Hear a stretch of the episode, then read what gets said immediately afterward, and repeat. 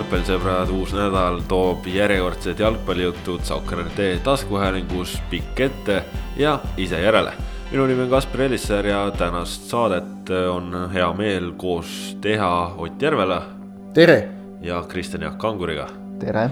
tänased jutud äh, põimitud siis nii ühelt kui teiselt poolt kodust jalgpalli, rahvusvahelist jalgpalli ja vaatame, kuidas meil täpsemalt minema hakkab siin aga läheme kohe võib-olla siis selliste eelmise nädala või viimase nädala kõige otsustavamate hetkede juurde ja üheks selliseks oli.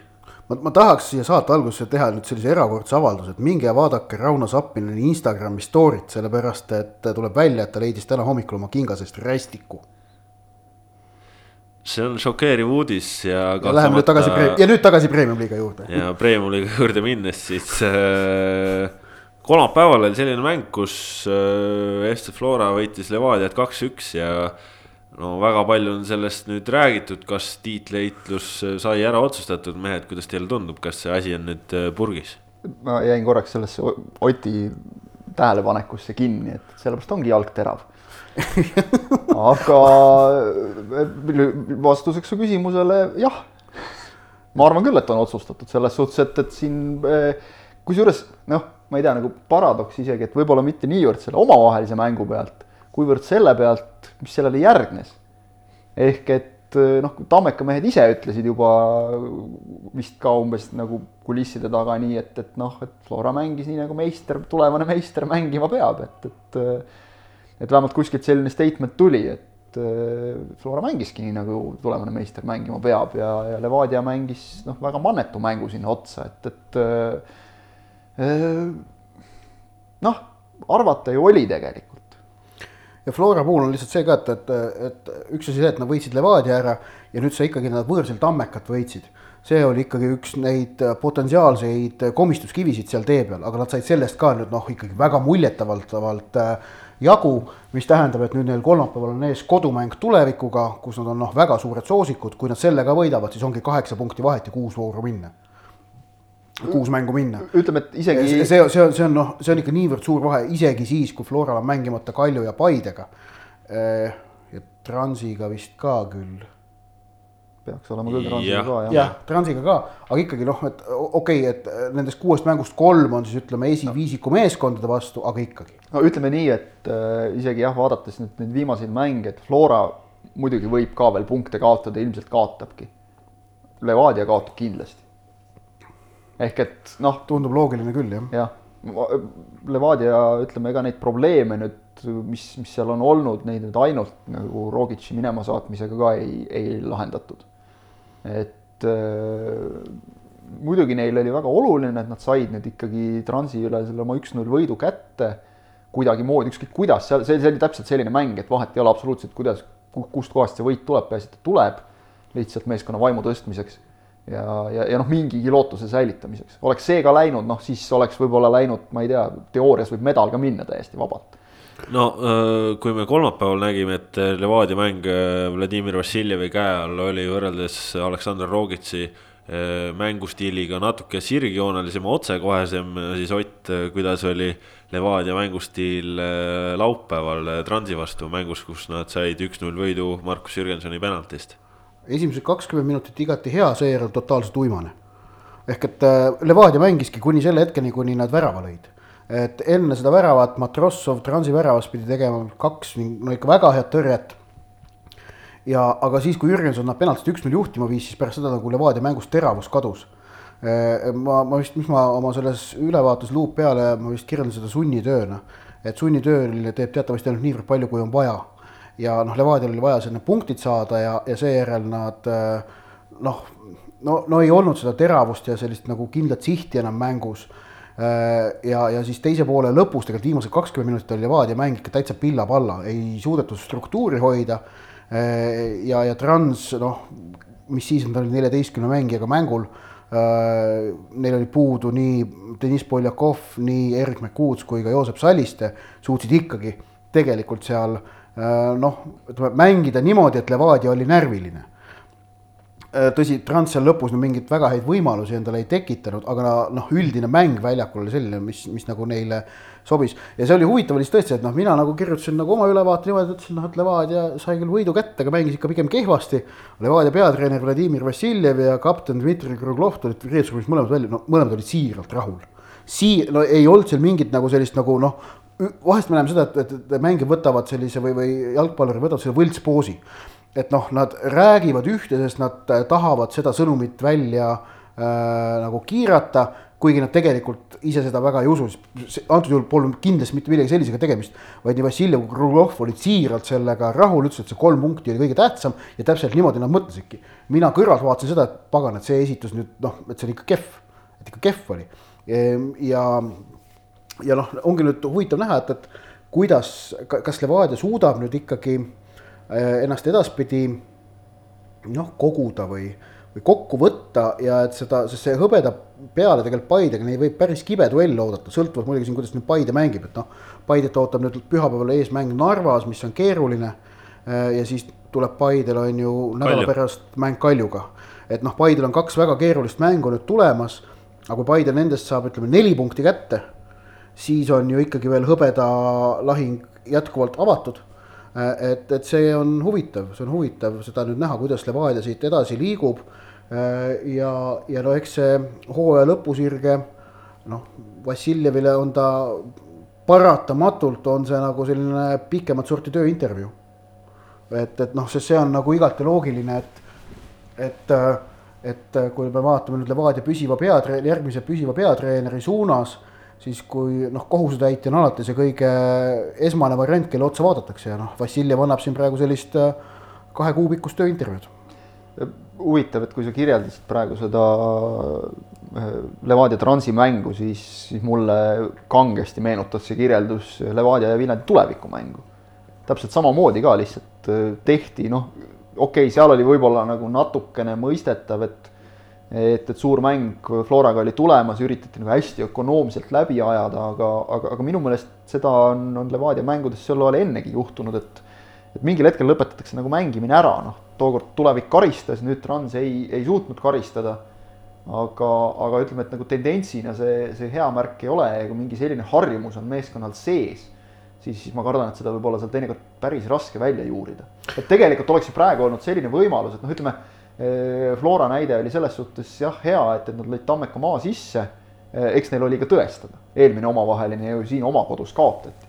et, et selles mõttes suudeti see foon pöörata väga heaks esituseks ja just selliseks püsivalt heaks esituseks. aga Levadiast veel rääkides, kui me sinna juurde juba läksime, et siis ma toon ka selle teise asja välja, mis ma oma ülevaates kirjutasin.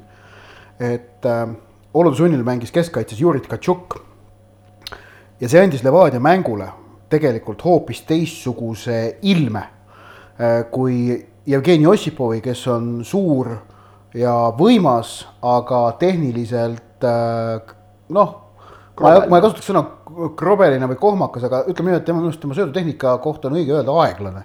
ta ei suuda palli lihtsalt kiiresti liigutada, kusjuures ta diagonaalid pikad nagu, nagu Vladimir Vassiljev ka pärast mängu ütles, et need on tegelikult ju täitsa korralikud, me oleme seda ka Premium liigas näinud, aga palli kiiresti liigutamine ei ole tema kahtlemata ampluaa. Jurit Katšukil see kahtlemata jällegi on ja eh, just need esimesed kakskümmend minutit, noh, kui, kui Levadia mängis tegelikult hästi, siis oli mul, eh, see oli see, seda, kuidas nagu Jurit Katšuk tegelikult sealt tagant seda mängu Levadial juhtis ja vahetas ääri, et seda oli nagu hea vaadata ja seda oli huvitav vaadata ja see on nagu siis ütleme niimoodi, et, et kui Levadia tahab viljeleda palli valdavat mängustiili, siis neil on vaja selle jaoks sobilikke keskkaitsjaid, Jevgeni Ossipov ei ole selle jaoks sobilik keskkaitsja, seal on olemas, see on, see on selge konflikt.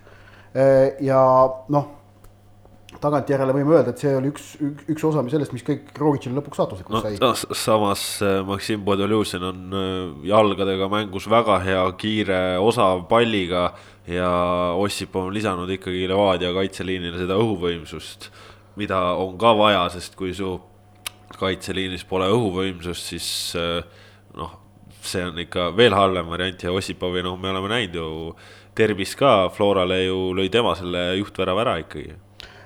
jah, äh, see, kõik võib olla äh,. aga nüüd on see, et kas kuidas need kaks kombineerida või?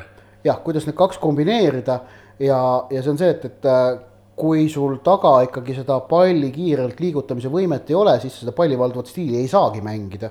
õhuvõimsust sa võid nagu väljaku muudesse äh, tsoonidesse ka tarnida mingilgi moel, on ju. Äh, ja noh, ideaalis on see, et noh, et me vaatame Florasse, kus noh, Märten Kuusk ja Hendrik Pürg on nagu mõlemas plaanis nagu suutlikud, on ju et, et aga noh, see tähendaks seda, et peaks nagu oma mängijat kasvatama hakkama, teda usaldama ja talle premium liigas palju mänguaega andma ja lubama tal premium liigas ka eksida ja leppima sellega, et äkki mõni aasta tuleb mitte tiitli peale mängida. siin on väike error vist sees nüüd jällegi Levadia puhul. no ja Levadia puhul minu meelest üks. Marko Lipp on mõned võimalused ikkagi saanud. no vot, oleks võinud rohkem kus need võimalused on, mitu, kus on Marko Lipu puhul näinud, oleme näinud sel aastal Eesti U kakskümmend üks koondise kapteni puhul seda, et ta saaks premium liigas pikalt järjest mängida, ei ole tal on vist seal mingi neli mängu järjest suurusjärk peast öeldes. hooaja algus korraks oli vist. hooaja alguses korraks oli, aga rohkem üle, ülejäänud on alles, alles siin oli, vaatasin just tema mingit statistikat, et millal ta viimati alustas, oligi vist enne seda tulevikumängu ja, ja seal oli ikka noh, mitme kuu pikkune vahe sees. okei okay,, ta käis siin vahepeal testimas, eks ole, ja vist mingi väike trauma oli ka, aga, aga, aga, aga see selleks, et, et noh. aga see, see nõuaks põhimõttelist poliitilist otsust Levadias klubi tasandil, mitte ainult peatreeneri poolt, vaid see on nagu peatreeneri, spordidirektori ja, ja tegelikult ka klubi presidendi selline ühine otsus, et et tuleb investeerida noore, noorde mängijasse, investeerida temasse noh, mänguaja mõttes. ja noh, ütleme garantiid, et sealt midagi lõpuks välja tuleb, noh muidugi ei ole, aga ilma seda investeeringut tegemata on see tõenäosus peaaegu väga väike, on ju. et noh, nüüd järg, järgmist hooaega silmas pidades et noh, Levadial noh, muidugi Podholjuziniga jätkamine on igati loogiline, ma isegi peast ei tea, kas Tudoreviga on leping olemas või mitte, Lipuga on leping olemas. et tegelikult noh, nende kolme keskkaitsega võiks nagu hooajal vastu minna küll Eestis, ei oleks mingit probleemi. aga just nagu sa ütlesid väga õigesti, et see ei ole mitte treeneri otsus, vaid see on klubi filosoofia täiesti. aga me oleme läinud Levadia juurde, kuigi me tegelikult pidime rääkima sellest, et Flora meister. jah, ma, ma Levadia puhul ütlen ühe, ühe väikse asja veel, et, et minu meelest neile päris paraja paugu on pannud ka see, et Äh, Igor Šorhovski sel hooajal on, on Kindlasti. väga palju eemal olnud, et, et tema, tema oleks just see palli liigutaja. See... ta mängis esimeses no, sisuliselt mingi paar mängu. viis, viis mängu. sisuliselt ta ei ole sel hooajal mänginud. ehk et see, see oluline lüli just, kui sa rääkisid sellest palli liigutajast, eks ole, noh, see on puudu mm. -hmm. sellest loovuse tekitajast keskväljal, et ma ei taha mitte midagi halba öelda Katšuki või, või Rasmus Peetsoni kohta, nad on nii-öelda noh, oma rolli täitnud korralikult, aga neil ei ole selliseid päris selliseid omadusi lihtsalt, et see, sellest on, on jäänud ikkagi lõppkokkuvõttes. keskvälja liidrit jah, Levadial tegelikult olnud ei ole, sest ka Joao Morelli pole seda suutnud olla, et ta on küll mõnedes mängudes olnud väga hea, aga sellist stabiilset äh, head taset pole ta suutnud pakkuda. ta leidis mingil hetkel leidis hea taseme ja nüüd on jälle ära vajunud. jah, Tkatšukil samamoodi on läinud, olnud tegelikult üles-alla hooaeg. Tkatšuk oli eelmisel hooajal silmapaistvalt hea, sel hooajal olnud väga ebastabiilne. just et ta ei suuda mänge nii, eelmine hooaeg ta nagu kontrollis mänge, okei okay,, ta teenis palju kollaseid kaarte, aga ta kontrollis mänge, sel hooajal ta ei suuda kohtumisi kontrollida. et ta on, ta on küll kaartide osas tagasi tõmmanud, aga siin on vist jällegi see, et nüüd on vist see nivoo paigast ära läinud äkki. võib-olla jah, aga Levadiast rääkisime pikalt, noh Paide praegu kolmapäeval korraks tundus, et Maardu vastu lähevad natuke nagu nalja tegema või, või ütleme mänguliselt, et nad olid nagu korraks auku kukkumas, näitasid sisu, tulid välja nädalavahetusel ülikindel võit. ja noh, tegelikult ongi, nad on ikkagi neljas koht nüüd nädala keskel kindlustati ära, nad on oma hooaja eesmärgi täitnud, mis on olnud läbivalt neljas koht, see on nendel igal juhul käes, samas mängida on veel mitu vooru, ehk siis nüüd on ainult boonust püüda ja see boonus võib olla päris reaalselt isegi ka hõbemedal. üldse ei ole võimatu, Paide puhul, mis mulle nagu ütleme, Maardu mäng, see, mis lõppes neli-kaks, oli selles mõttes, oli nii loogiline see, et tuli Paidel üks mäng sisse, kus neil läks korraks keeruliseks kui ka tervet hooaega vaadates oli loogiline see, et nad tulid sellest raskest seisust välja. sest et äh, niisuguseid asju ikka viskab sisse, paratamatult kõikidel viskab tabeli tagumise otsa vastu. aga, aga see, mismoodi seal pöörati äh, asjad ümber, see oli muljetavaldav. sama muljetavaldav tegelikult oli ka see Viljandi tuleviku üle võetud neli-null võit, kus nad tegid vist kokku mingi viiskümmend lööki väravale umbes ja, ja noh, suhteliselt ulmenumbrid, aga see näitab, minu meelest see mäng jällegi äh, kirjutasin ka selles samas kokkuvõttes luubis, et, et esiteks jätkuvalt püsib Paidel see, et nad on tagumisele otsale kaotanud punkte täpselt kaks korda kahekümne ühest mängust, kui mälu ei peta. ühe korra Narva Transiga viik ja teise korra Viljandi tulevikuga viik. kõik, kõik ülejäänud ühest viiendast kohast allapoole, jättes Tallinna selle suure kolmiku välja, kõik ülejäänud mängud on nad suutnud võita väravate vahe on võimas, seal on äh, absoluutselt iga skooriga võita, kui vaja, võetakse üks-null või kaks-üks. väga palju mänge on ka tegelikult sellised kuus-nullid, kõik niisugused, ehk Paide mängib üldjuhul, erandeid juhtub, aga üldjuhul Paide mängib oma mängud väga korralikult lõpuni. see on minu meelest üks oluline asi, mida nad on juurde pannud, neil toimib äh, väga hästi see noh, meeskondlik üksteise toetamine noh, niimoodi peale vaadates praegu nagu ei näe miinuseid, ainukene asi, millega nad minu meelest suurtes mängudes on alla jäänud, tulevikku nad tapsid ära lihtsalt oma tempoga lõpuks, tuleb ikka jõudnud enam. seisid, seisid kaitses ja siis tuli üks-null ära ja siis noh, siis oli selge, see mäng on tehtud. Samas... teine, teine värav muidugi noh, viisteist sekundit, eks ole, ja, ja lased endale kohe lüüa, noh, see vormistas aga, aga suurtes mängudes on neil jäänud lihtsalt sellest tempo talumisest nagu mingil määral puudu Sa. samas tegelikult äh, mulle tundub, et me üldsuses natukene oleme nagu Kalju ära unustanud või me vaatame tabelisse, et äh, kuidagi jube suur vahe on seal äh, Paidega, aga reaalsuses on ju lihtsalt kaks mängu vähem peetud ja kui Nõmme Kalju võidab need kaks mängu, siis on vahe Paidega üks punkt. ja tuletame meelde, et Nõmme Kalju omab praegu premium-liiga pikimat käimasolevat kaotuseta seeriat. Nad on kakskümmend neli mängu järjest kaotust suutnud vältida, ehk siis noh, jah, seal on viike sees, aga, aga tegelikult kui Kalju need kaks järelpeetavat mängu võidab noh, see on ikkagi nagu ulmeliselt põnev heitlus e-, eurokohtade peale, sest noh, teine, kolmas on, on ju garanteeritud eurokoht, neljas seda ei ole. ja praegu noh, sisuliselt võib, võib minna niimoodi, et, et teine kuni neljas koht jäävad äh, kolme punkti sisse. Äh, kui, kui Kalju need järelpeetavad mängud võidab, et. Äh, jah, need noh, need järelpeetavad, nad peavad ära nüüd ju siin lähinädala jooksul, sest et Just, mängivad kõik. homme Kaleviga nädalavahetusel on Maardu korrapärane mäng ja siis tuleb kohe sinna järele, järelepeetav Maardu mäng. et, et äh, just juba esimesel oktoobril on tegelikult see tabel peaks olema siis kõikidel kolmkümmend üks mängu peetud.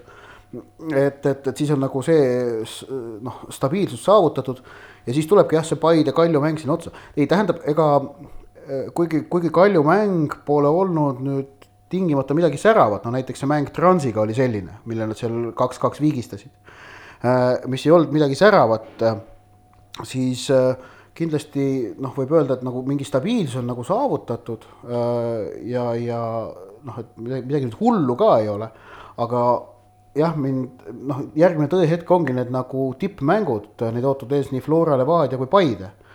et kas see mäng, millega nad on nüüd suutnud stabiilselt ikkagi tabeli tagumise poole pealt nüüd siin noh, kolm-null ja kuus-null võidud järjest võtta, kas see on piisav ka duellides Eesti tippklubidega. no kui Igor Subbotin selliseid väravaid lööb nagu ta Kalevi vastu, siis kes ei ole näinud, vaadake kindlasti normaalne kuul kolmekümne pealt risti no,. ja, ja, ja samas teine asi, kui me oleme väga palju rääkinud, et Lilju sel hooajal no ei saanud päris õigesse sammu omal, omal seda jooksu ja, ja, ja ei klappinud ja ei tulnud neid väravaid, siis nüüd äh, Max Mata vigastuse järel hakanud põmmutama ja, ja võib-olla leitud praegu selline vajalik äh, mees, kes, kes lööb ka need väravad ära nojah, selle. jällegi me Subotini... peame ära ootama need suured mängud no.. ja, ja Subbotini kohta võiks, võiks muidugi noh, öelda nagu Markus Vaherna ütles, et see on see üks kümnest, kus, kus Subbotin niimoodi lööb, aga Subbotinit tuleb tunnustada. üks kümnest või?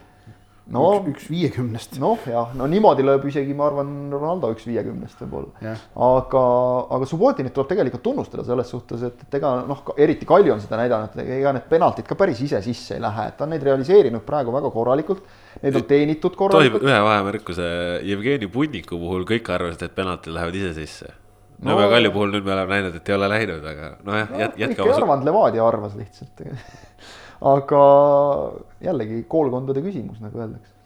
aga jah, Subbotin on, on hakanud tegelikult olukorras, kus nagu oli vaja, et keegi meeskonda veaks, ta on nüüd kapten pärast Ussja lahkumist.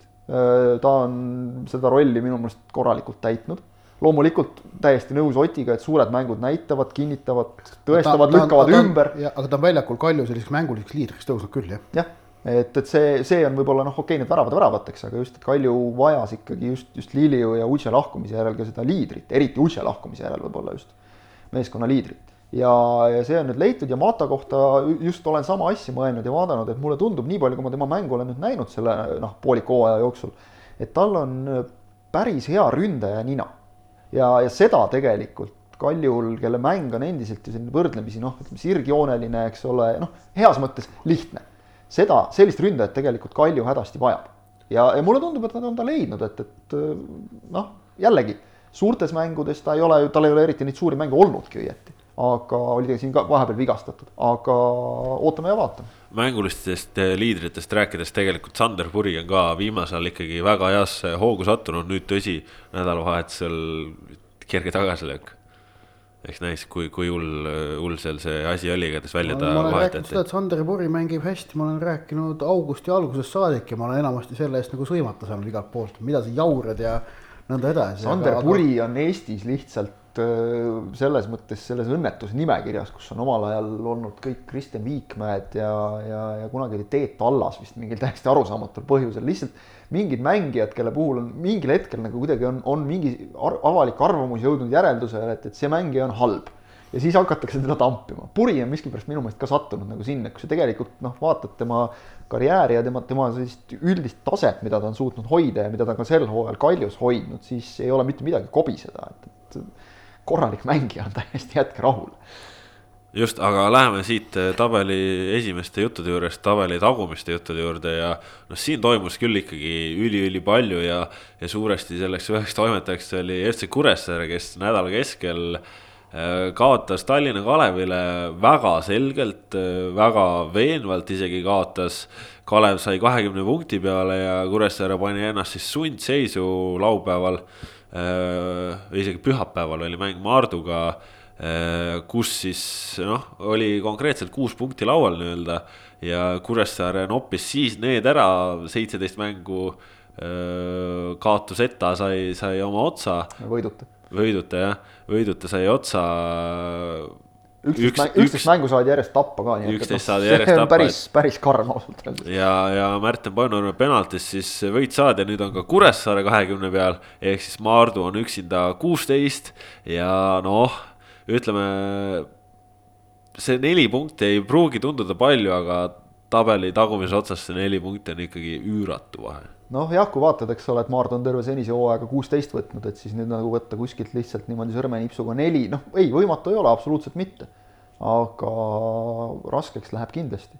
Et, noh, keldri, keldri uks on nagu selja taga juba lahti tehtud, et sealt trepist päris nagu alla ei ole veel lükatud, aga üsna serva peal seisavad. keldri uksele koputas Deniskov tung ka ja, ja., ja niimoodi tuli penalti. ta koputas jah, keldrile ühte teise kohta, aga ega noh, jällegi selline selge penalti, selge viga ja noh, üks-null penaltist võib nagu tunduda, et, et noh, napilt saadud võit, aga Kuressaare oli üle selles mängus ju tegelikult. oli üsnagi selgelt üle ja, ja, ja, ja. mina seda mängu vaadanud, kas, kas, kas oli, ütleme, kas Kalašnikovi käekirja oli näha? No Kalašnikovsi käekiri on, ütleme see, et, et kaitsemäng on ikkagi oluliselt äh, kompaktsem, ütleme, et, et kui no, seal oli. käekiri, see oli ka käekiri Transis. jah, et, et, et kui on ühel hetkel on, on üks mängija natukenegi lohakas, ta on kaks meetrit oma positsioonist väljas, ütleme Kalašnikov, sa ei jäta talle seda ütlemata mm. -hmm. et seal ka, ka otse-eetris sa kuuled, kuidas ta karjub mingi venna peale. ta sai ju, ta sai ju Kalevi ta sai ju Kalevi vastu, sai oma selle hooaja, mis on omaette saavutus niivõrd lühikese Eestis oldud ajaga, oma teise kollase kaardi juba selle eest, et kusjuures minu meelest on ta mõlemad saanud, ei kohtunike sõimamisega, mitte millegi selle eest, vaid lihtsalt selle eest, et neljas kohtunik ei jõua talle enam öelda, palun püsi oma alas ehk et ta on servapidi juba väljakul peaaegu, see oli kohe esimeses mängus oli näha, noh siis tal oli ka muidugi tohutult palju seletamist, sest ta oli alles tulnud, eks ole. ma ei tea, paar päeva enne seda oli, oli kuskil Lätis alles, eks ole. et et, et ta on, ta on tohutult aktiivselt protsessis sees ka mängu ajal, mis noh, iseenesest, mida on äge vaadata. ta tõesti hingega teeb seda asja, nii nagu ta ka Narvas tegi omal ajal, hooaja alguses. Ja jah, ega no ütleme nii, et, et ega seal tõesti, seal ei ole nagu seda varianti eriti, et, et mehed seda tema soove ei täida, kuidas välja tuleb, on teine küsimus, aga noh, proov-, püüdma nagu pead, sest et tõesti, ta ei jäta märkamata. Aga noh, kas Mardul on veel variant, raske näha, vist pigem. ei, jah, siin on omavahelisi mänge veel ees, selles suhtes, et on. omavahelistes on, on nad negatiivsed kõigiga või? Ei ole, kusjuures nad on ju omavahelistes on nad, viimastes on siin ju just on punkte võtnud, nii Kalevilt on võtnud no seal on see, et, et ka... kas see, kas see nagu, kas neil on vaja nelja või viite punkti, ütleme niimoodi, et noh, seal on noh, oluline vahe võib olla. sellepärast, et noh, et kui nad lõpetavad kellegagi võrdsetel punktidel, kes nagu keda edestab, et see, see võib seal nagu väga määravaks saada. muuseas, see on ka põhjus, miks Flora tegelik edu Levadia ees ei ole mitte kaheksa, vaid üheksa punkti. ehk kui need satsid lõpetavad võrdsetel punktidel, on Flora meister et, et seal nagu no selles mõttes on Floral isegi väga palju komistamisruumi. Ähm, ja, ja äh, aga noh, Maardu puhul on ka see, et noh, ähm, et noh, ei, ei, ütleme, me oleme jalgpallis näinud nii Eestis kui mujal maailmas, et noh, et sellised emotsionaalsed paugud on need, mis lõpuks väga sageli määravad ära selle, kas nagu jäädakse ellu või mitte. ja selline seitsmekümne üheksanda minuti penaltist vist emots-, null üks otseses väljakukkumisvõitluses, noh, ütleme suuremat emotsionaalset pauku annab otsida. ja Maardu raiskas selles mängus ka paar äh, nii enne kui pärast Kuressaare väravat, paar ülihead võimalust lüüa ära. et noh, kui sa selliseid, sellistes mängudes sisse ei saa, siis, siis nii lähebki. ja tegelikult ka ju Dmitri Sklasnikov ütles väga hästi pärast mängu, et, et ta, ta lausus umbes sedasi, et kui me oleksime selle mängu kaotanud ma ei tea, kuidas me siis oleksime pidanud edasi mängima, sest just see psühholoogiline pauk oleks olnud. Kalašnikov mainis, Kalašnikov mainis juba pärast Kalevilt saadud kaotust tegelikult teleintervjuus seda, et äh, Maardu vastu pühapäeval on meie viimane võimalus. kuigi tegelikult matemaatiliselt see ei olnud kaugeltki Kuressaare viimane võimalus. ehk et ta tunnetas seda väga selgelt, et kui sealt oleks saadud tappa, siis ei oleks olnud tõesti küsimus mitte isegi niivõrd nagu punktid, punktilises vahes, vaid siis oleks ilmselt olnud meestel ikka mast nii maas kui maas aga nüüd on, nüüd on muidugi huvitav selles suhtes, et Tallinna Kalev Maardu vastu jällegi näitas, Kalev on ikkagi mänginud. no ütleme, neid nii-öelda oma mänge on nad üldjoontes mänginud hästi ja neid oma mänge neil veel tuleb. Kuressaare vastu minu meelest oli lihtsalt näha, kui palju vähemalt selles mängus andis juurde Hannes Anier. ehk et et eh, noh, juba see Kalevi selles mõttes ründemängu loogika, kui sul on olemas Valemus Salli-sugune mees, siis sul peab olema ka keegi, kes noh, temaga nii-öelda lingib, klapib seal ründes, et, et kui sul seda pikka sinna ette panna ei ole kedagi, eriti sellist suurt jõulist ründajat, siis, eh, siis on muidugi keeruline. noh, Anier lõi ise ühe ja tegelikult teise värava puhul oli, oli tal, Kalevi teise värava puhul oli tal väga suur roll mängida, kus ta lihtsalt tõmbas kaitsjate tähelepanu palli peale minekuga endale, nii et, et äh, kaitsjad eksisid, lasid selle palli läbi ja, ja, ja muidugi Alliga lahendas väga hästi rünnaku, mis on olnud tema, tema nõrk külg sel hooajal, et, et ta on küll tehniline, osav, kiire, väike, kõik väle, kõik, kõik on tubli, aga väravaid ja sööte, noh, veel ei tule, aga ärme unustame, et ta on ka kaheksateist alles, et, et noh, otsuste langetamine, see võib natukene, see lõppemine võib veel aega võtta, aga aga minu meelest on ta läinud järjest paremaks, et, et noh, kui Kalev jääb püsima, kui see mees jääb siia siis võib temalt uuel hooajal päris palju huvitavaid asju oodata. Ja samas äh, tulevik ka, kes vahepeal sai ennast ikkagi nagu ultrakindlalt tunda, on nüüd siin raskeid mänge pidanud, kakskümmend kaks punkti, kaks punkti edu Kalevi Kuressaares. ega enam nüüd see nii turvaline tunne ei ole seal. ei tea isegi, kas nad ennast ise nüüd nii hirmus kindlalt tundsid, et, et seal keegi hakkab kuskile pilve peale tõusma, siis küll Sander Post alla tõmbab sealt kohe, et, et. seal on ja, nagu selles, selles plaanis on nagu jah, pikk poiss ka, et ulatab küll. Seal selles plaanis on nagu asjad korras, et, et äh, samamoodi nende mängud tulevad veel. ja, ja, ja ma arvan, et, et siin need vahepealsetest mängudest sai tulevik nii palju küll sellist positiivsest, positiivset emotsiooni, et, et nad, nad ei lase noh, ütleme ka, nad ei lasknud Paide vastu ka, hoolimata Paide tootust ülekaalust asja nagu päris inetuks. et, et see, kui me räägime nagu kaotusest, noh, psühholoogilisest mõjust, siis oht selles mängus oli tegelikult et, et lasta nagu Paide täiesti jooksma ja sealt tulebki mingi null seitse jälle. aga, aga ütleme nii, et tulevikku võib, võib-olla selles mõttes, see on kõik teoreetiline, on kalender natukene sedapidi soosinud, et, et neil on nüüd need rasked mängud ära ja siis hooaja lõpus on äh, Maardu ja Kalev. on, on Maardu ja Kalev ehk et on need sellised omavahelised noh, need kuue punkti mängud. Kuressaarega on ka veel siin ülejäänud. Kuressaarega on mängida, et noh, nad mängivad nüüd praegu suurtega kõigiga ära põhimõtteliselt, neil on praegu vist viiemänguline selline seeria käimas. et, et kindlasti, vähemalt minu meelest on see kindlasti parem variant kui see, et, et sa tead, et nüüd me peame need punktid ära võtma, sest noh, neljast viimasest voorust me peame juba natukene lootma, et suurte armust meile midagi kukub. selles mõttes minu meelest tuleviku seis on endiselt võrdlemisi okei okay ja noh, neil on Kaimar Saag, nii et, et noh, mees, kes, kes teeb, just minu meelest Maardul on jäänud ka ikkagi sellisest mehest jällegi puudu, et noh, kas see nüüd peab tingimata Jasper Uaeg-Pulam olema, kes on vigastusega väljas ikka, aga, aga noh, keda, kedagi sellist vedurit ei ole esile tõusnud, et noh, Ilja Zelentsov kaptenina on ka püüdnud, noh, ei ole päris välja vedanud ja näiteks sellest Kalevi mängust, eks ole, jäi ta üldse kaartide tõttu eemale, mis oli kõva pauk kindlasti, et, et või vabandust, sellest äh, Paide mängust, et, et noh, kus oli nagu tegelikult variant midagi võib-olla ka kätte saada. no sealsamas koosseis tundus küll sihuke oleva, et, et Maardu andis seal ka osadele varumeestele võimaluse, et olla puhanud äh, pühapäevaseks mänguks, aga seda ka. noh, ei õnnestunud ikka nii, et. noh, need me, me oleme rääkinud juba siin sel hooajal ka saadetes, et kõik need siuksed raalimised ja puhkuse andmised ja kõik, et need tavaliselt ei tule välja kuidagi. inimlikult saad aru, aga ei elu on, elu on nagu õel selles suhtes tihtipeale aga nii palju premium-liigast, äh, läheme edasi nüüd äh, rahvusvahelise jalgpalli juurde. möödunud nädalal mängiti meistrite liigat ja, ja ei hakka seal äh, niimoodi üksipulgi kõiki mänge läbi võtma, eks inimesed vaatasid ise ka, aga, aga läheneme asjale sedapidi, et, et mis teil nendest kahest mängupäevast sihuke silma jäi või, või mille te nendest mängudest kaasa võtsite, Ott? Kaasa võtsin, selline filosoofiline küsimus. no, no mingi tähelepanek. selline, ei no üldine tähelepanek on, on see, et, et ega see meistrite liiga alagrupi turniir mind ülearu palju ei kõiguta, et noh, tore, et need mängud on ja kui noh, ikkagi üldiselt vaatan ka, aga aga kui ma kolmapäeva õhtul ühtegi mängu ei näinud korralikult, sest et ma olin, mis oligi Flora Levadial on ju. ja siis noh, jõudsin koju suht hilja ja siis see nagu mind ei häirinud mitte mingilgi moel no üldse kohe, et noh, et pagan, nii tähtsad mängud jäävad nägemata. et see meistrite liiga on ikkagi minu jaoks kujunenud üha rohkem selliseks kevadiseks turniiriks. et noh, play-off, see on kõva, see on, see on siis, siis nagu käivad mängud nagu mõisa peale ja noh, siin näeme alagrupis ilmselt ka, et viimastes voorudes paaril puhul näeme selliseid mänge, kui on noh, ikkagi selge edasipääs mängus.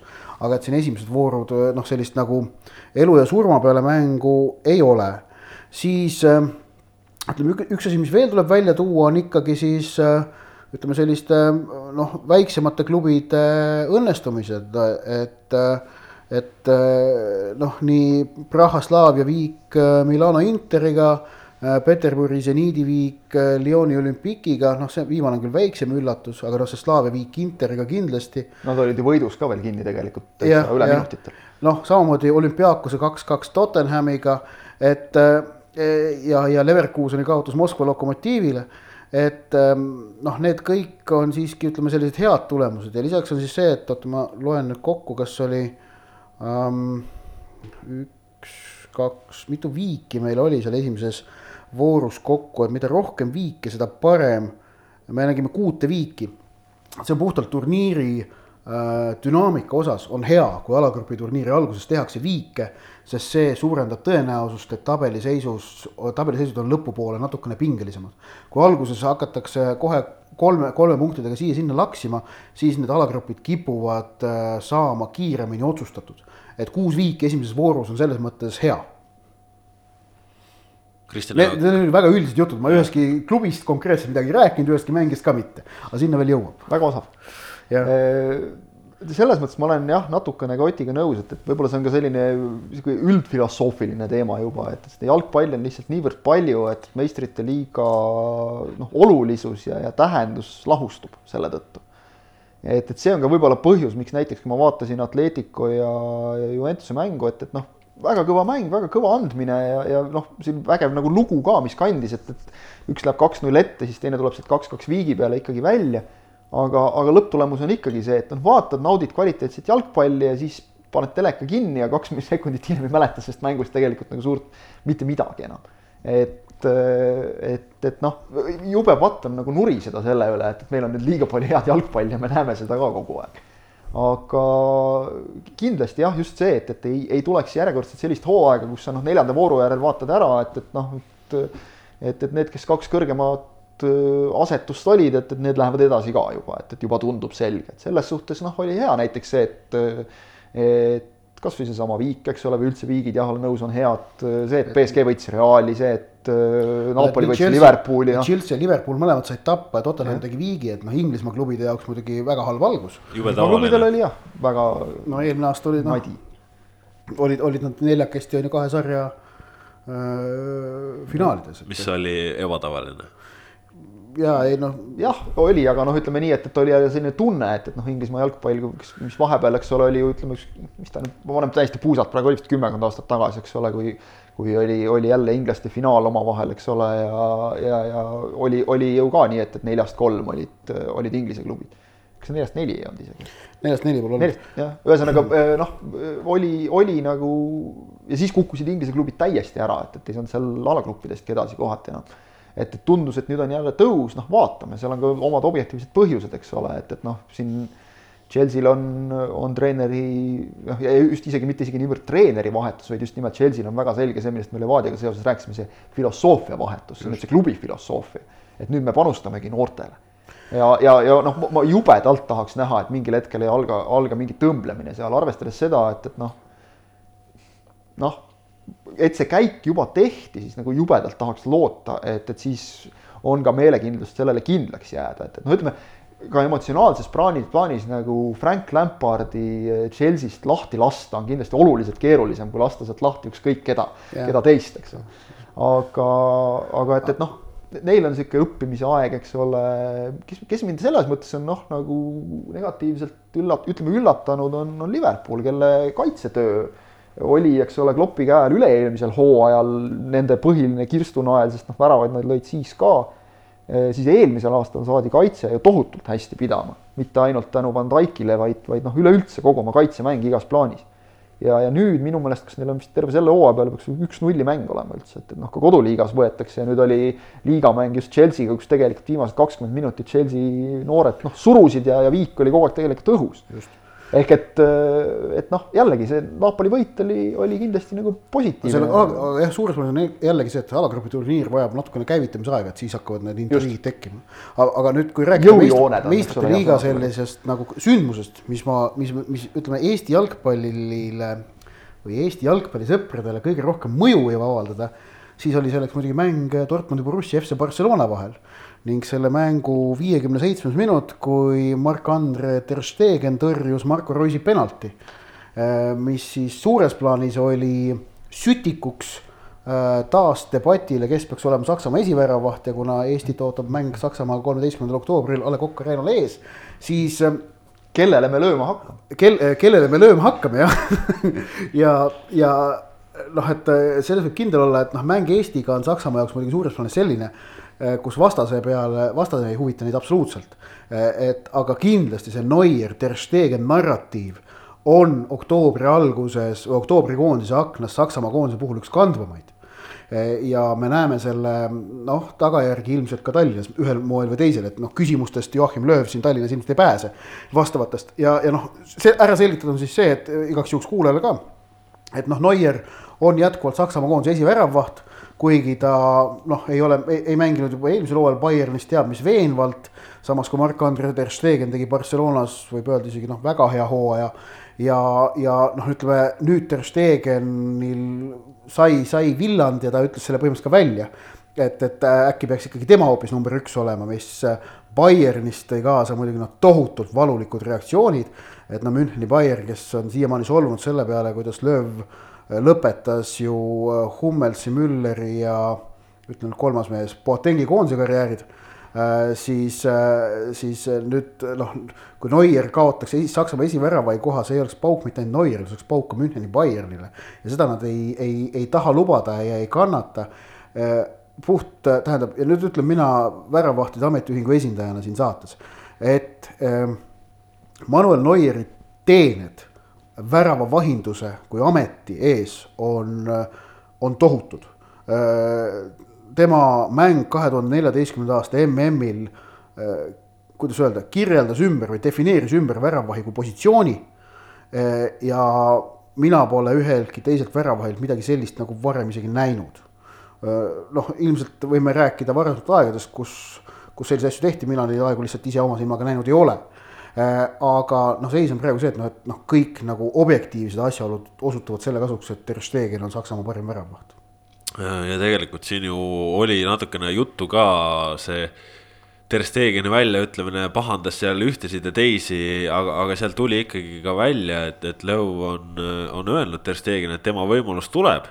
Ja, ja ta peab seda ootama ja noh, selle nurga alt tundub ülitõenäoline, et see võimalus just siin Tallinnas antaksegi, sest noh, nagu sa ütlesid, ega Saksamaa ei, ei mõtle Eesti kui vastase peale, nad mõtlevad enda asjade peale nojah, ja, ja suures plaanis peab Saksamaa mõtlema siis ikkagi kahe järgmise suurturniiri peale, on ju nii, nii EM kui MM ja, ja noh, see Neuer on, Neuerile ka, ka Katari minek tundub ebatõenäoline, sest ta on vist praegu kolmkümmend kolm või neli.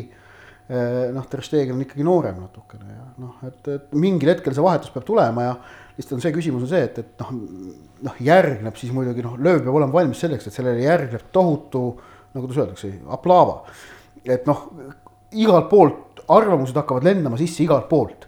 see on olukord, mida ei ole võimalik kuidagi noh, rahumeelselt lahendada, seda ei ole. ainuke variant seda rahumeelselt lahendada oleks siis, kui, kui juhtuks see, et Neuer saaks praegu vigastada. Et siis saab teha ülemineku ja öelda, et nüüd nii ongi, on ju, aga noh see, see, see, seda, see nagu on ebatõenäoline ja noh, see ei oleks ka tore.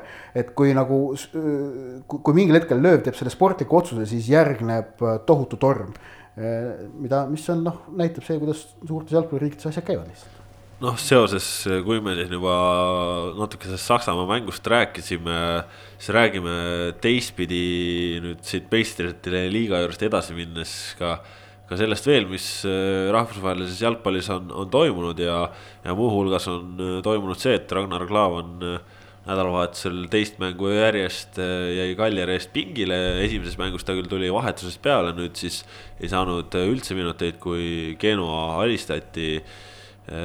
Ott, sul oli selle osas ka mingisugune narratiivi pakkumine, et kui Klaavan peakski jääma pingile ei no tähendab, me ei tea praegu, mis on, on ju põhjus, kas, kas seal on äkki mingisugune väikene vigastus või on põhjus üdini sportlik. aga, aga ütleme nii, et noh, see on ju nüüd tegelikult päevselge, et iga koondise akna eel on laual ka võimalus, et Ragnar Klavan põhjusel või teisel äh, ei saa koondisesse tulla, noh, ei saa, kaldkriips ei taha, aga ma, see ei taha on sellise halva alatooniga, mida, mida ma ei taha nagu osutada, et noh, et tal on väga selged põhjused, miks ta võib-olla ei saa koondisesse tulla. ja, ja kui, kui nüüd juhtub oktoobris see, et ta ei saa, et siis lihtsalt on, on asi, mis, mida nagu tasuks välja märkida ja välja tuua et Karel Voolaid, koondise peatreener septembri akna ajal andis väga selgelt mõista, et et see, kas Eesti mängib neljas või viies kaitseliiniga, ei sõltu üldse sellest, äh, kas Ragnar Klavan on koondises või mitte. Martin Reim tegelikult andis ju mõista, et kui Klavan on, et siis tal on tunduvalt julgem minna neljasega. et Voolaid andis mõista, et mängitakse neljasega, et noh, kui Klavanit ei ole, siis on lihtsalt Klavani koha peal Karol Mäts ja keskväljal on mingi muu lahendus. et, et isegi kui Klavanit jah, koondisesse ei tule, loodame muidugi, et seda ei juhtu, vaid et, et ta on kenasti kohal kahes mängus, et siis ei, ei, ei ole põhjust arvata, et Eesti muudaks oma seda äh, põhimõttelist lähenemist mängudele võrreldes septembris nähtuga. ja, ja samas noh, tõenäoliselt seda, seda kartust ei ole, kui, kui ongi, et Ragnaril on tervist korras ja et ta nüüd uuesti saabki mängima, et, et see, et ta ei tuleks, võib olla aktuaalne siis, kui ta mingil põhjusel langeb soosingust välja ja tal on vaja klubis nii-öelda tööd teha, et. või on tervisega mingi mure, et noh, et see, kas praegu on, nojah, me ei tea lihtsalt, mis selle pingli jäämise põhjus on. aga lähme siit äh, natuke edasi veel Itaalia juurde. noh, kui me seda hooaja algust vaatame, ega väga, väga vähe mängitud, aga Kristjan Jaak, kas sulle tundub ka, et Milano Inter Antonio Conte käe all on ikkagi päris reaalne tiitlipretendent. noh, vara öelda muidugi jah, aga alustatud on küll hästi. et äh, kindlasti ka see, et, et äh, noh, Inter ja Milan on ju olnud tegelikult juba kuidagi hämmastavalt kaua sellised vahepeal kukkunud täiesti noh, ütleme nagu Euroopa tippjalgpalli mõistes perifeeriasse ehk kuskil käinud ära seal Itaalia tabeli keskel täiesti. noh, nad on nagu olnud nii-öelda sellest päris kõige suuremast pildist maas, et, et kui, kui Juventus on ikkagi valitsenud mitte ainult koduliigat, vaid ka olnud noh, juba võib öelda aastaid on räägitud sellest, et kas nüüd Juventus ka ikkagi meistrite liigas on, on ütleme noh, vähemalt nagu top nelja selge soosik, eks ole, või, või oligi selle mingil ajal oli, oli selgelt noh, nii-öelda nende suurte gigantide, kui, kui Barcelona, Real, Bayern olid, olid see suur kolmik, noh, nende nii-öelda kõige lähem ohustaja nagu tundus mingil hetkel. ja, ja noh, ei ole tulnud siiamaani, ei tulnud ka Ronaldoga, eks ole, endiselt. et noh, Juventuse roll ilmselt võib täiesti julgelt öelda, on Itaalias tänaseks päevaks sama, mis on Saksamaal Bayernil ehk et noh, nii-öelda, et kui Juventus kutsub, siis sa nagu naljalt ka ära ei ütle. ja noh, see on praegune seis. Aga, aga Interi puhul noh, ütleme ja, ja ka mil, mõlema Milano klubi puhul on tehtud kuidagi hämmastavalt palju suudetud teha lolle otsuseid, et noh, eks seal ole ka oma põhjused. ja, ja küll, küll ju Milan on proovinud siin oma endiste mängijatega ja, ja ma ei tea, kelle kõigega, eks ole, et, et siis on need lootused, Katuusa peksab mehed käima, no kui see ka ei tööta, siis on juba päris, päris pahasti loomulikult ei ole Milanil ka veel mitte midagi halvasti veel praegu, aga, aga Inter on alustanud hästi ja, ja, ja noh, asi, mida ma tegelikult ise, ma ei mäleta, kas ma selle kuskil kõva häälega ka välja ütlesin, aga noh, vähemalt oma peas nagu küll ootasin ja eeldasin, et, et küll Romelu Lukaku väravaid oskab endiselt lüüa. et see, et ta nüüd Manchester Unitedis, noh, teda seal nagu käima ei saadud või, või et ta ennast seal ise käima ei saanud, seal ka palju põhjuseid noh, see on teine teema, aga, aga et ega selle mehe oskused küll kuskile kadunud ei ole ja, ja ta on näidanud, et, et noh, et, et kui kehakaal on ka paigas, et siis, siis on, on, on, on nagu klassi sellel mehel täiesti. ehk et äh, jällegi lootus, noh, alati on nagu see lootus täpselt nagu, nagu Saksamaa puhul, et ega siis enamik ei ole ju seal viimasel ajal enam mitte niivõrd nagu äh, või noh, ütleme paljud ei ole mitte niivõrd kellegi poolt, kellegi teise poolt, vaid Bayerni vastu, sest noh, lihtsalt Bayerni domineerimisest on kõrini. see on inimlik, see on alati nii, et, et kui kuskil mingil alal keegi jääb liiga pikaks tippu pidama, siis hakatakse lootma, et tuleb keegi, kes ta sealt minema lükkab no,. ja, ja Juventuse puhul ilmselt noh, on, on nagu sama asi lihtsalt, et, et kui no oleme ausad ikkagi nagu Itaalia liiga mitte sellise püsijälgijana, noh, kui sa ikka jälle kuskil veebruaris avastad, et see liiga on tehtud ja ei ole nagu mõtet rohkem vaadata, siis päris igav ausalt öeldes. no ja, ja, ja ega Napoli on ka siin järjest äh, lähemale ja lähemale jõudnud, et äh, kindlasti kasvõi see Carlo Ancelotti hoolealuste võit meistrite liigas Liverpooli üle kvaliteedinäitajaid on. jah, aga noh, eks neid lähedale, lähedale jõudjaid on äh, olnud veel poole hooaja peal siin eelmistel aastatel ka, nii et äh, vara, vara öelda, ootame ja vaatame.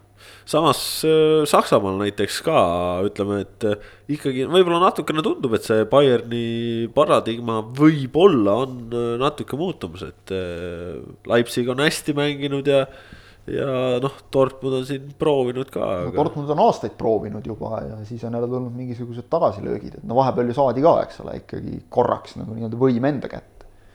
aga, aga siis kukuti sealt jälle ja, ja siis, siis oli jälle veidikene ülespoole ronimist, et äh, jälle noh, väga vara öelda, aga, aga tahaks neid tasavägiseid liigasid näha ausalt öeldes. et, et viimastel aastatel siin on olnud tegelikult ju, jube palju on nagu räägitud, et Hispaanias on, äh, on Barcelona ja Real ja siis tuleb nagu tükk tühja maad ja siis ei tule üldse mitte midagi ja siis kuskilt hakkavad teised meeskonnad ka paistma vaikselt, et noh, tegelikult on vähemalt eelmisel aastal oli minu mäletamist mööda La Liga oli ka siis, kui sa, kui, kui ükskõik kuidas võrrelda, kas, kas võrrelda, ütleme, tippude lähimate jälitajate vahet või võrrelda esikolmikut äh, omavahel, nende punkti vahet või, või esinelikut võrrelda tabeli tagumise otsa punktilist kaugust tippudest, ükskõik mis, mis numbrid ette võtta, Hispaania liiga oli kõige konkurentsitihedam.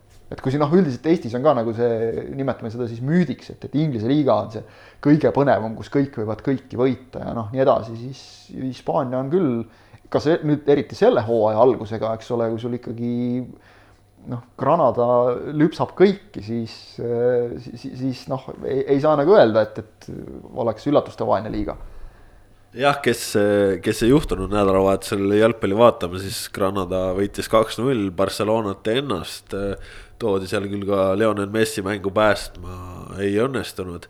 ja, ja Granada on tõesti ka liiga tabelis eespool Barcelonast ja, ja noh, tegelikult ju enne seda vooru oli tabeli tipus Sevilla, kes nüüd siis pühapäeva õhtul mängis väga-väga tulise mängu Real Madridiga, et Real tuli selle BSG kolaka pealt äh, nüüd siis Hispaaniasse ka võõrsil mäng. aga tundub, et äh, Zidane ikkagi vaikselt hakkab nagu oma poisse käima saama, et, et, et seal on palju vigastusi. Ja, ei, miks ta peaks kinga saama, ta on kaotanud see hooaeg ühe mängu. Mm -hmm. no see on reaal. reaalis on vähemagi eest saada. sa ei saa kunagi küsida, et miks peaks kinga saama. ei, selles, selles ma isegi. on vaja noh ma isegi natuke üllatusin siin, äh, see, selle BSG kaotuse järel ka äh, ka mängueelne retoorika ajakirjanike poolt oli, oli hästi selline, et, et kas sa juba tunned, Sida on härra, et, et Maurinoga spekuleeritakse oh, ja, ja, kas sa juba tunned, et, et kas sa juba mõtled tuleviku peale nii ja naa ja siis mõtled nagu reaalsuses Kutt on kaotanud see hooaeg nagu ühe mängu, et ja nüüd Sevilla võiduga ollakse tabeli üleval, et et noh. see seal... on tippude, tippklubide see häda, et, et on alati vaja selliseid hästi noh kiireid ja, ja otsustavaid lahendusi mingite jalgpallivaatajate poolt, noh, ega ilmselt isegi oleme ajahetkel või teisel või kolmandal nagu ka selle ohvriks natukene langenud, et, et nüüd tuleb seda, teist ja kolmandat muuta kohe, kohe mõtlemata, et noh, siin Barcelona treenerit ka juba ju kangutatakse väga uljalt, et, et et täiesti mõttetu ja ammu oleks tulnud juba, juba pärast seda eelmise hooaja meistrite liiga kevadist Liverpooli vastu tehtud fopaad oleks tulnud noh, põhimõtteliselt mees sinna Liverpooli jättagi, ei oleks üldse tohtinud kaasagi võtta, et noh, see jah, sihuke selles mõttes jumal tänatud, kui suured tappa saavad, intriig jälle kasvab, et, et noh, Madridi Atletico siin ka ju tuli, tuli nagu sellele hooajale väga uljalt vastu ja nüüd on kuidagi nende ründemäng ka jälle täiesti kokku kuivanud, kuigi neil on, on seal kõik Joao Felixid ja kõik, kõik, eks ole, olemas nagu, et noh paberil vaatad ka, et oh, Kriismann asendatud korras, saame parema mehe veel, et tema tahab siin olla erinevalt Kriismannist, et kõik on hästi. noh, õnneks ei ole nii lihtne see asi, aga täie, täiesti subjektiivne, äärmiselt subjektiivne vahemärkus. et äh, Granada, ilus linn, käige, olen käinud, soovitan. hea, et, hea, et on pildil ennast mänginud, et see on alati äge, kui, kui mingid sellised satsid, ega nad sinna kauaks püsima ei jää ilmselgelt. Hispaania liigas ikkagi noh, tabel on praegu põnev ja see on nagu, see on nagu kõige ägedam, et, et noh, et äh, Bilbao Athletic juhib ja ja, ja noh, et Barca on vist alles üheksas seitsme punktiga või kuue punktiga, mis, ei seitse punkti viiest mängust just. ja, ja et noh, Barca on lubanud endale üheksa väravat lüüa viie mänguga. et noh, intriigi on praegu Hispaanias kõvasti, et tõsi, ei saa öelda, et Inglismaal ei oleks intriigi, Inglismaal on samamoodi. Ehm, ja on ka Saksamaal ja on ka Itaalias, et, et selles mõttes on nagu noh, seis on selles mõttes huvitav ausalt öelda et kõigis nagu noh, neljas suuremas liigas on nagu mingi küsimus on üleval. no Inglismaa intriig on muidugi see, et noh, seal paistab, et see, et no kaks esimest lähevad ikkagi pikalt eest ära, Liverpool ja, ja Man City on ju. Eh, aga seal, mis seal selja taga toimub, on põnev ja veel noh, lõpetuseks nii-öelda Hispaania juurde ka korraks veel tagasi põigeldes, siis noh, tegelikult ju ongi, ütleme inimestel äh, nagu, kes on suurte klubide fännid, tekibki ühel hetkel ootused, et nende klubi peabki kõiki võitma, aga tegelikult see ju nagu jalgpallis, see ei ole loomulik, et üks sats võidab kõiki, et kaotused on äh, jalgpalli väga loomulik osa ja ja, ja mu arust me näeme ka järjest enam seda, kuidas, et kui me oleme rääkinud, et tipp on, on väga hea tasemega, siis iga aastaga äh, noh, ütleme, tipp on endiselt kõva, aga järjest enam tullakse neile lähemale, sest allpool tehakse samamoodi kõva tööd, allpool on samamoodi järjest rohkem raha, äh, järjest rohkem võimalusi ja, ja see, ütleme, ongi äh, siis laiema tippjalgpalli kvaliteet on ikkagi pidevalt äh, väga suurel tõusuteel ja, ja noh samamoodi, et, et kui me siin näemegi meistrite liigast kasvõi on ju, et mingid noh, absoluutsed tipud Äh, ütleme siis viigistavad mingite klubidega või, või et äh, Eesti näitel seesama FC Flora suutis mängida Eindhoviga noh, minimaalsete kaotuste peale. no ütleme, et sul on vaja hästi palju asju, et satuksid kokku, aga noh, ma arvan, me näeme järjest enam, et, et ka see jalgpallimaailma absoluutne täielik koorekiht, et ta ei ole selline koht, kuhu ei oleks võimalik pääseda ja vaata jalgpallis ei maksa minu meelest võib-olla niivõrd palju kui mõnel teisel alal mingisugused füüsilised eeldused. et, et noh, kui sa teed nagu tööd ja näed vaeva, siis on lõpuks ikkagi üksteist meest üheteistkümne vastu. et seal ei ole nagu see, et noh, mingitel aladel on selge, et, et kui, kui sa oled teisest kolmkümmend sentimeetrit või nelikümmend sentimeetrit pikem, noh siis, siis on selge, et, et sa lihtsalt sirutad oma käe kõrgemale ja võtad palli ära või, või lööd selle palli maha, sõltumata, sõltuvalt äh, alast, eks ole, või et, et noh, on, on geneetiliselt mingid mingi piirkonna esindajad jooksevad kiiremini kui teised, eks ole, noh lihtsalt, et kellegi lihas on niimoodi looduse poolt loodud, jalgpallis need, need käärid on väiksemad minu meelest. et, et ja, ja noh, täpselt ka see, et, et ole, milline sa oled, noh, sulle leidub väljakul koht üldiselt ikka. et, et ma arvan, et see on selle, selle taga just, et, et noh, täpselt, klassika, tee tööd, näe vaeva aga läheme siit veel siis äh, saate täitsa lõpetuseks ka Inglismaa juurde eile õhtul pühapäeval äh, Liverpool, Chelsea, noh, oma ühes teises väljaandes, ühes teises äh, taskuhäälingus ütlesin, et noh, Chelsea'l pole variantigi. oli küll. et variant, variant no, tekkis sinna, jah. küllaga oli ausalt öelda, ma vaatasin seda mängu eile ja, ja see mäng mulle väga meeldis. see oli, see oli, see oli haarav ja, ja huvitav kohtumine, kus siis Liverpool kahe standardolukorra toel asus kaks-null juhtima Chelsea N'Golo Kante individuaalsest meisterlikust sooritusest lõi üks-kaks ja tegelikult lõpus oli ikkagi mitmel puhul viigile väga lähedal. Liverpoolil vedas eile. ja, ja seda möönis mulle ka üks väga tuntud, Eestis üks väga tuntud Liverpooli fänn, kelle ma siinkohal jätan saladuseks, kellega ma koos seda mängu vaatasin. et ta, ta ütles siiralt, et, et, et, et tal ikka väga vedas. et Liverpoolil väga vedas ja, ja, ja, ja minu meelest see nagu mäng võtab kokku kaks väga huvitavat, minu jaoks äkki isegi kõige, kõige põnevamat narratiivi, mida Premier League äh, alanud hooajal endas kätkeb. esiteks on see siis äh, Liverpool ja Liverpooli tiitlipõud, mis ulatub on ju aastasse tuhat üheksasada üheksakümmend. ja noh, jällegi tuleb tõdeda, et nii head võimalust kui tänavu pole Liverpoolil nüüd meistriks tulla olnud ikka väga-väga ammu ja me kõik teame ka seda, kuivõrd suur on see pinge, mis sellega kaasneb ja see, et, et Liverpooli ennast meistrite liiga, nad oleksid nõus jalamaid meistrite liigast loobuma, nad saaksid vastutuseks Premier League'i tiitli. see on nagu fakt. Äh, ja, aga see kõik toob kaasa selle närvilisuse, mida oli juba eilses mängus ka näha. Äh, ja, ja noh, see närvilisus, praegu on meil hooaeg kuus mängu kestnud, kestab ka järgmised kolmkümmend kaks. seda saab olema väga nauditav vaadata ja huvitav vaadata, kuidas Jürgen Klopp äh, ja tema juhendatav meeskond selle pingega hakkama saab ning teine narratiiv on ikkagi just nimelt Chelsea. Chelsea on minu jaoks sel hooajal Premier League'i kõige põnevam meeskond, keda vaadata.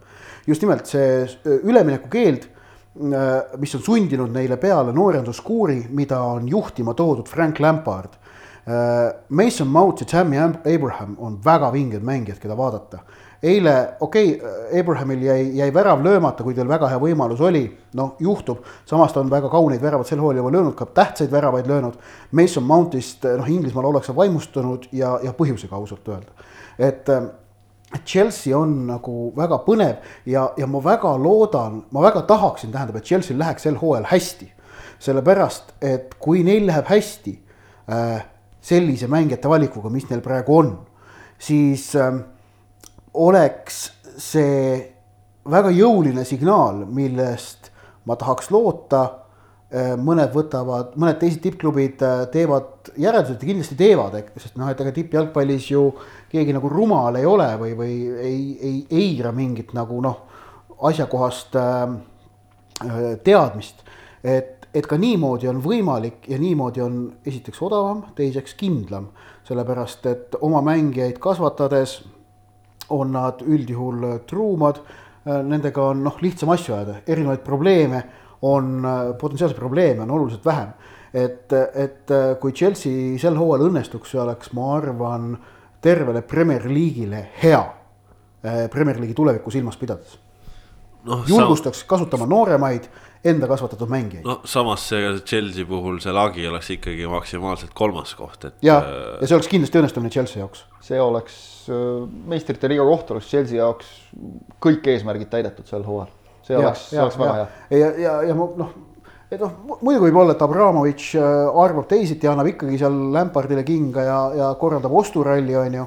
Äh, aga ma ei usu väga, noh, ta noh, jah, ma ja, ja isegi kui ta seda teeks, pärast seda, kui näiteks Chelsea saab selle satsiga neljanda koha näiteks, siis ega need, ega see signaal, et niimoodi on ka võimalik, ei muutuks ju olematuks.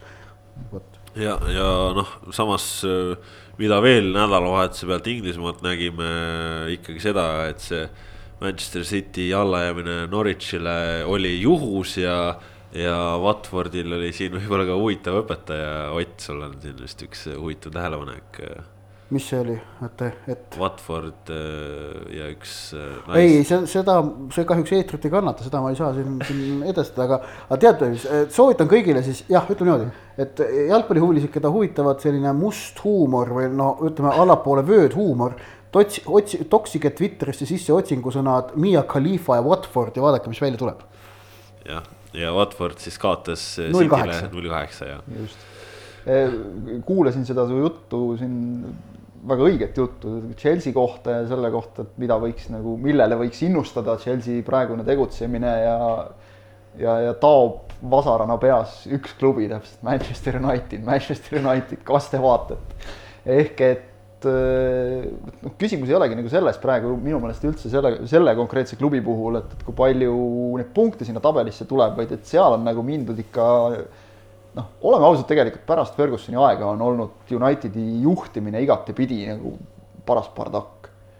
et seal, seal puudub minu meelest praegu täiesti selgelt selline, millest räägivad küll igasugused need inglaste panditid ehk siis Roy Keane'id, kõik väga huvitav oli vaadata Sky Sportsi stuudiot, kus Roy Keane rääkis, et ei, et Manchester United on noh, tegelikult on juba viimased mitu aastat on väga halvasti mänginud, et see üks mäng siin nüüd ei näita praegu nagu midagi, et probleemid on sügavamal, mitu aastat on väga halvasti mängitud äh, tegelikult ja ja, ja noh, mängijate valik on ka kehv olnud ja siis tema kõrval istub Jose Murillo ja kuulab, keerutab pöidlaid.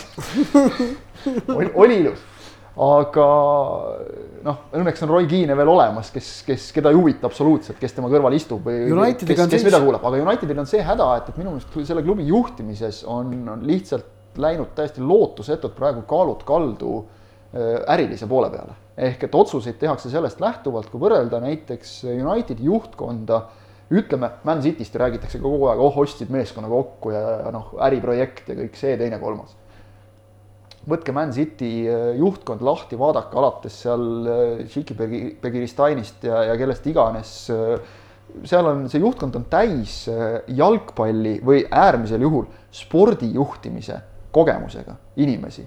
Unitedil on selline noh, ütleme nõuandev kogu, kus on seal Sir Alex Ferguson ja on selle endine juhatuse esimees David Gill ja, ja noh, neid on seal veel selline nelik aga noh, nende käsi ei ulatu nagu reaalsete otsuste mõjutamiseni. Nad on noh, nii-öelda nagu sellised aupresidendid või, või noh, mida, midagi sarnast nagu oma, oma olemuselt. ehk et kogu klubi juhtimine käib selle kaudu, et kuidas see oleks tõhus äriprojekt. alates omanikest kuni lõpetades Ed Woodwardiga ja noh, sellega, et, et Unitedi-sugune klubi siiamaani otsib, ma ei tea, uus aasta jõuab ilmselt kätte, siis ka veel otsivad äh, spordidirektorit või noh, midagi sellist. et, äh, et, et seal nüüd jah, Ole Gunnar Sulšeril nagu kuidagi mingeid asju lappida selle, selle koosseisu juures, mis praegu on, mis on, kus, kus on näha nagu õigeid samme, näiteks Euroopa liigat mängiti ju siin noh, pool satsi olid lapsed põhimõtteliselt. seda mängu ma vaatasin, see oli päris hea mäng ausalt öelda Unitedi poolt, see Euroopa liiga mäng. see oli, seal, seal oli jälle see klassika, et tekitati võimalusi ära ei löödud. mängu West Hamiga ma ei vaadanud, aga neljapäevast ma isegi vaatasin jah ja. et noh, Unitedil on ilmselt on seis see, et ennem läheb ikkagi veel halvemaks, kui läheb, kui läheb paremaks. aga samas mingid märgid, et võib pikas plaanis nüüd noh, ikkagi natukene paremaks hakata minema, on olemas et noh, seesamane noorte mängijate ostmine, palkamine hooajal, Van Bissaka, James noh, Maguire keskkaitse kohta kakskümmend kuus on ka ikkagi noor, on ju.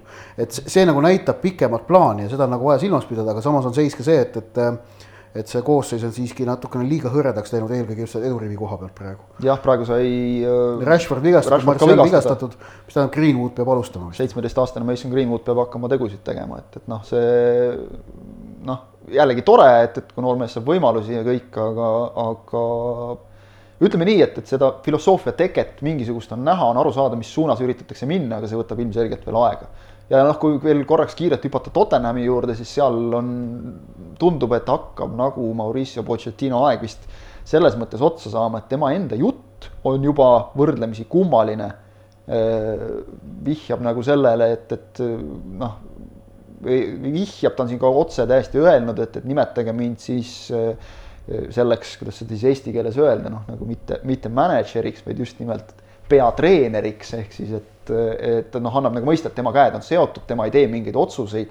üldiselt noh, pikka pidu tavaliselt ei ole, kui peatreener hakkab sellist juttu ajama, olgu tal siis õigus või mitte. ja, ja võib-olla ikkagi natukene on ka see, et kuus aastat on tänapäeva tippjalgpallis, see on juba selline kahekordne peatreeneri tavaline ametisoleku aeg et, et see, see on, see on päris pikk aeg ja, ja kuidagi nagu värskus on otsa saanud, et, et Spursil noh, näis Nad püsi-, on püsinud tükk aega oma nii-öelda väga kindlatel vaaladel, Harry Kane, Kristjan Eriksen, aga noh, Erikseniga nüüd ka tundub, et, et suhted seal üsna lootusetult sassis, et, et ta, ta veel jätkab seal, aga, aga noh, ilmselgelt mitte kaua, vähemalt kui see praegune olukord jätkub, nii et et, et ütleme, selles mõttes on nagu huvitav just, et jah, kaks esimest on selgelt eest ära, aga et kes need kolmanda-neljanda koha võtavad seal on, on põnevus õhus. ja, ja kui te siin rääkisite, et Unitedil on, on just selle eduriviga probleeme, siis üks meeskond, kellel eduriviga ei ole probleeme, on Arsenal leidnud tabelis oma vana hea neljanda koha üles uuesti. ja noh, seal on see kaitseliin on ikka on...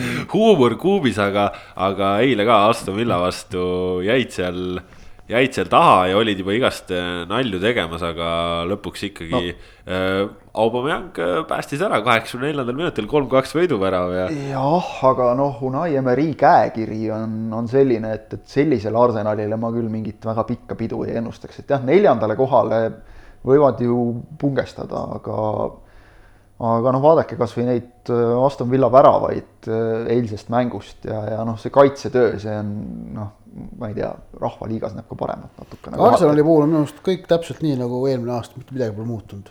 põhimõtteliselt mitte, sellepärast et Emeri, Emeri puhul toodi ka väga huvitav statistika välja, kuidas kõik tema meeskonnad on tegelikult mänginud niimoodi, et, et noh, taga põleb ikka ereda leegiga selles suhtes, et jah, nad ise oskavad hästi rünnata, aga, aga noh, kaitsetegevuse korrastamisest sellel mehel küll nagu väga vist, vist ei ole aimu ja ütleme nii, et, et eile tõesti noh, ründajad päästsid, aga igas mängus ei päästa ja meenutame, et see oli see oli Aston Villa vastu ja, ja noh, Aston Villa ei ole, ei ole sel hooajal Inglismaa liigas nagu suurte kohtade soosik, aga, aga kui Ott soovis oma selle Liverpooli fännist sõbra jätta tundmatuks, jätame, siis, siis mina kasutan võimalust, tervitan oma sõpra Martinit, kes oli seda mängu eile vaatamas koha peal, nii et ilmselt ei olnud halb emotsioon.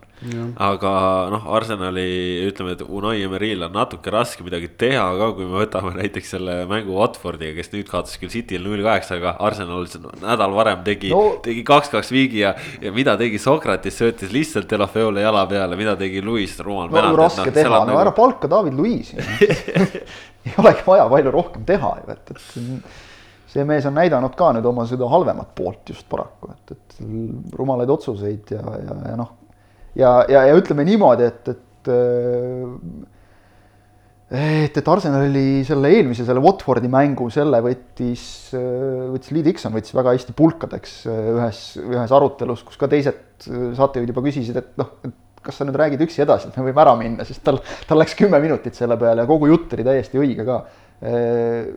lihtsalt see, et et äh, treener paneb paika kas või sellesama taktika, et kas me mängime tagant lühikesega lahti, millisel hetkel mängida, kas kaks-null seis on see moment, kus hakata seda söötu lükkama, kui sa näed, et on oht, et vastane tuleb mängu tagasi, noh, sellised tegelikult suhteliselt elementaarsed asjad. milliseid vahetusi sa teed, kuidas sa üritad mängu muuta ja noh, Emery jättis põhimõtteliselt selles mängus seal kõik tegemata ja ega ta tegelikult nagu tema ei teinud ka eile midagi, lihtsalt mängijad tassisid Arsenali sellest jamast välja vot äh, nii palju siis äh, tänastest jalgpallijuttudest. Äh, planeerisime küll enne saate salvestust teha lühemalt kui tavapäraselt, tegime hoopis pikemalt kui tavapäraselt, nii et palju õnne teile, loodetavasti jaksasite ära kuulata. aga selline siis oligi kahekümne üheksas saade jalgpalli taskuhäälingust pikk ette ja ise järele oleme teiega tagasi uuel nädalal. seni vaadake jalgpalli, vaadake jalgpalli Sokkernetist ja kui Sokkernetist jalgpalli juba vaatate, siis kasutage ka meie värsket tv-portaali tv.sokkernet.ee, seal on ilusti kõik kavad ja asjad olemas. ka sedasamat pikk ette ise järele saate niisamuti sealt kuulata mina olen Kaspar Elissaar, tänase saate tõid äh, teieni lisaks minule veel ka Ott Järvela ja Kristjan Jaak Kangur. kuulake meid jälle ja kuulmiseni. tšau, Pleu. nägemist